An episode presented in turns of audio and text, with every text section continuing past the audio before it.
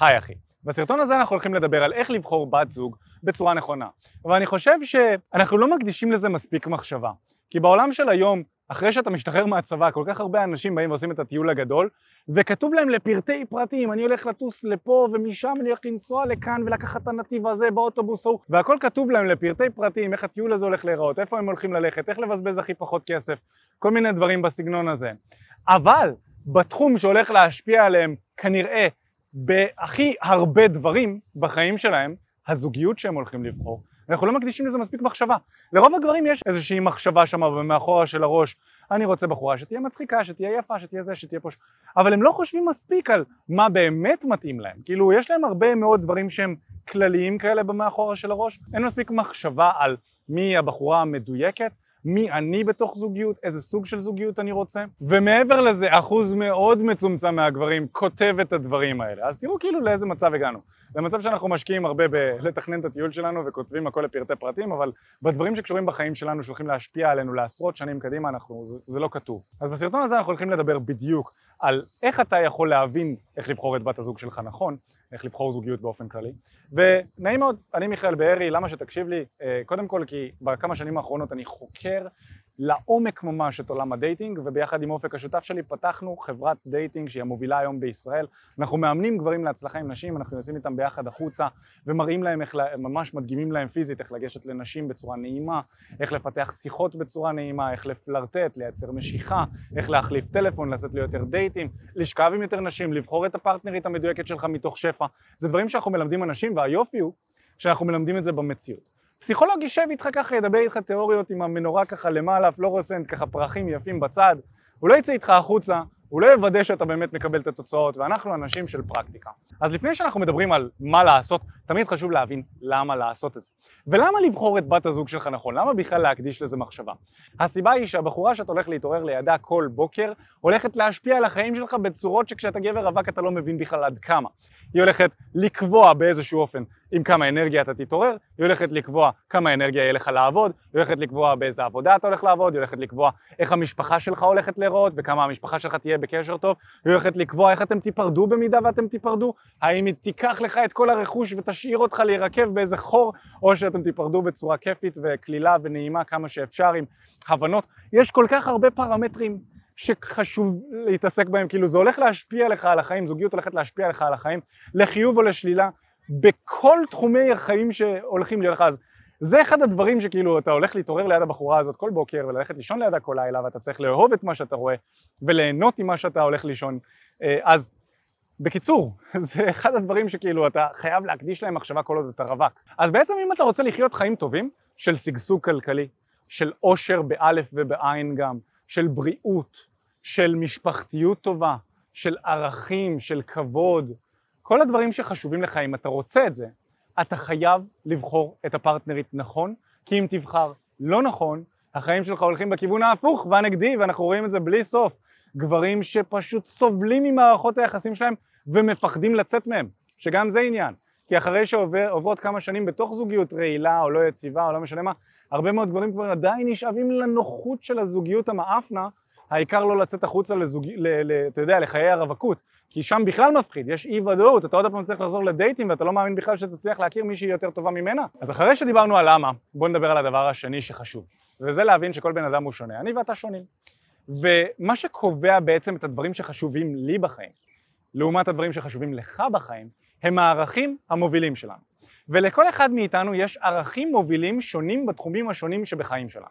נגיד, לי יש ערכים מסוימים לזוגיות, ויש לי ערכים מסוימים לעסקים, ויש לי ערכים מסוימים ללייפסטייל, שהם כנראה יהיו שונים לערכים שלך.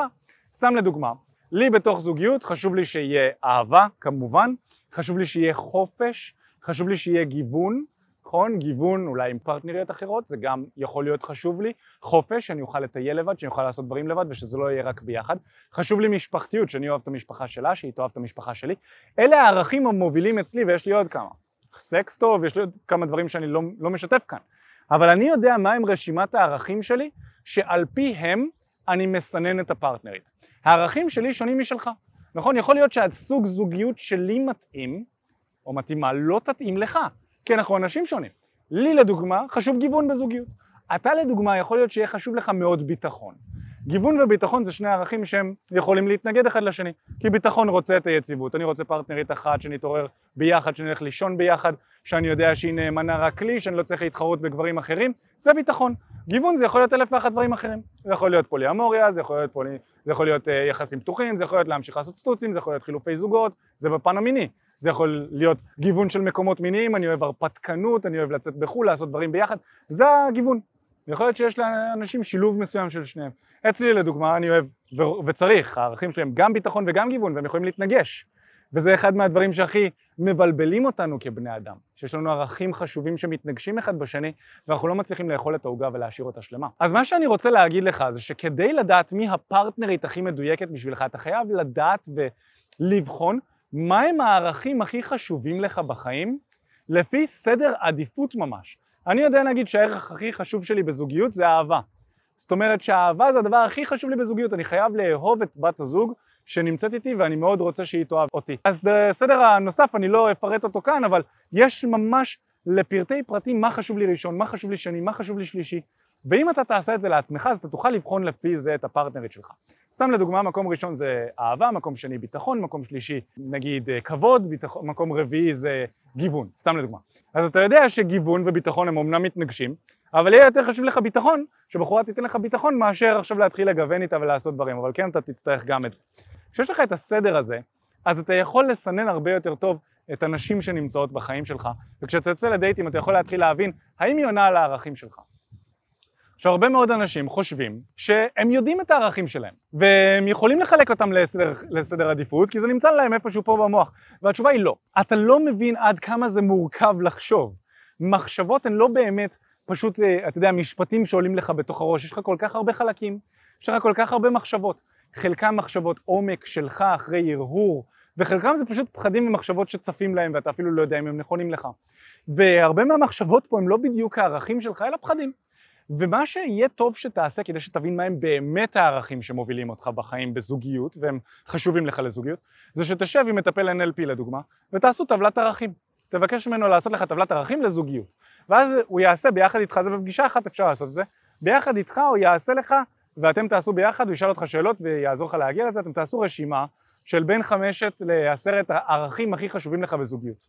וזה אחד הדברים הכי חשובים שאתה יכול לקבל מהסרטון הזה ולחיי הדייטינג שלך כדי לקבל בהירות לגבי מה אתה מחפש בפרטנרית שלך. ואז בעצם אנחנו מגיעים לנקודה השלישית. מה רוב הגברים עושים? הם מגיעים לדייט עם בחורה שהם הכירו בטינדר, שבמקרה החליקה עליהם ימינה, הם מקבלים איזה מאץ' פעם באיזה כמה ימים, נכון? כי אני באופן כללי לא מבין איך אנשים נמצאים באפליקציות האלה. לא מזמן פתחתי את האפליקציות האלה, זה פשוט כאב ראש אחד גדול, אני לא באמת יוצא משם לדייטים עם אף אחת, הן גם לא בטעם שלי, וגם כמות המאצ'ים מאוד מאוד נמוכה וברור שהאפליקציה רוצה לשאוב ממני כסף, זה, זה מאוד ברור לי לפי איך שהמנגנון שלהם עובד. אבל אוקיי, רוב הגברים מכירים את הנשים באפליקציות ואז הם מגיעים לדייט והם אוטומטית מגיעים מתוך המקום של אני צריך להוכיח את עצמי עכשיו, אני המסונן, נכון?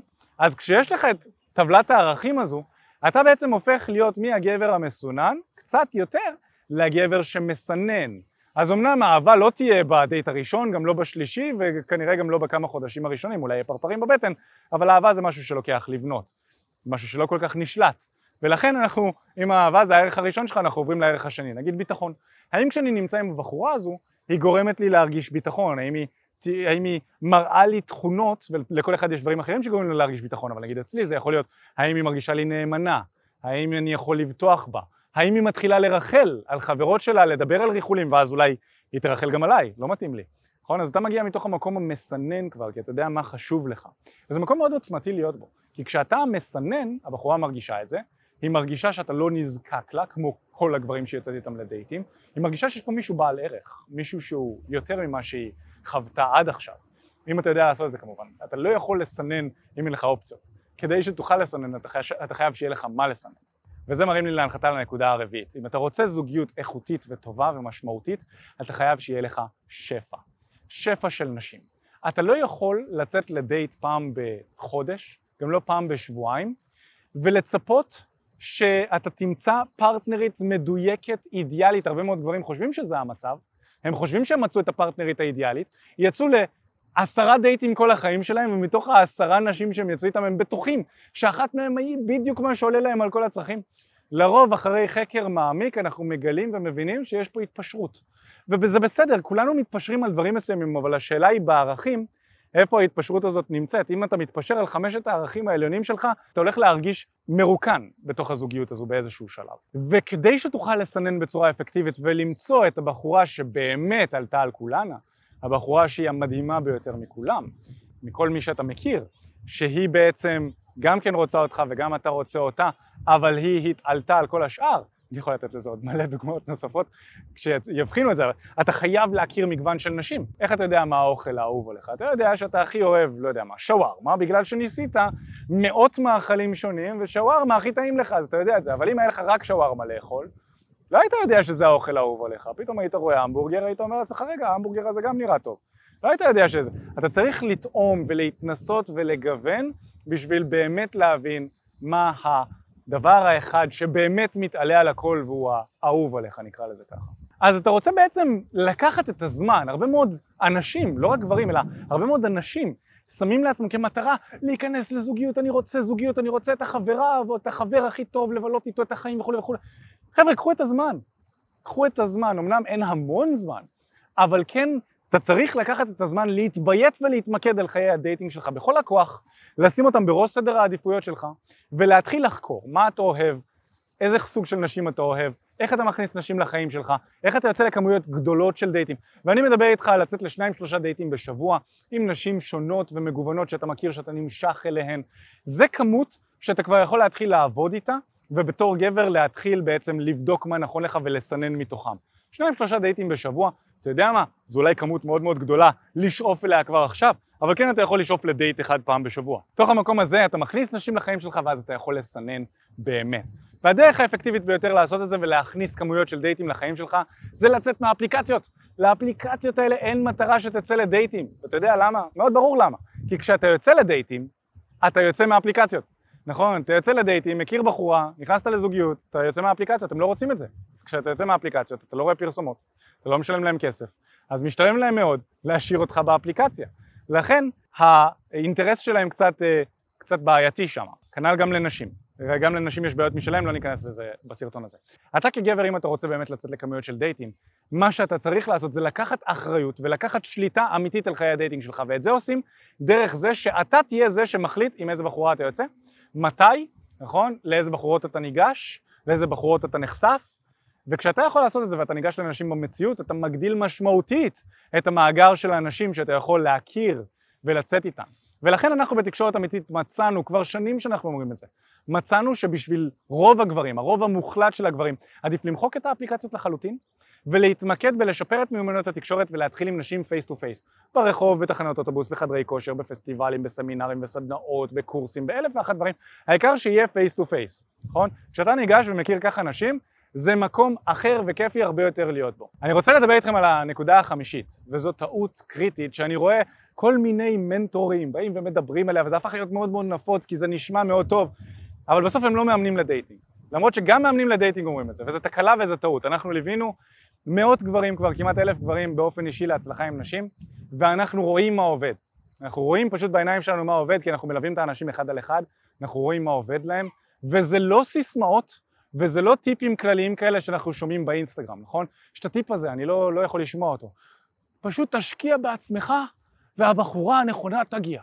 תתמקד בקריירה, תתמקד בלפתח גוף של סופרסטאר, תתמקד בחברים טובים, והבחורה הנכונה תגיע. וזה בולשיט אחד גדול, נכון? כי לקוחות שעובדים איתנו, אתה צריך להבין, עובדים איתנו חבר'ה שהם מיליונרים, עובדים איתנו דוגמנים שהם מיליונרים, עובדים איתנו אנשים שהיו בטלוויזיה בצורות כאלה ואחרות, עובדים איתנו אנשים שהם חתיכים, כדורגלנים, כאילו, אנשים בסטטוס מאוד גבוה, חבר'ה שאמרתי לך, מופיעים בטלוויזיה. אז אם כל מה שאתה צריך לעשות זה את זה, למה האנשים שעושים את זה, לא כולם נמצאים בזוגיות?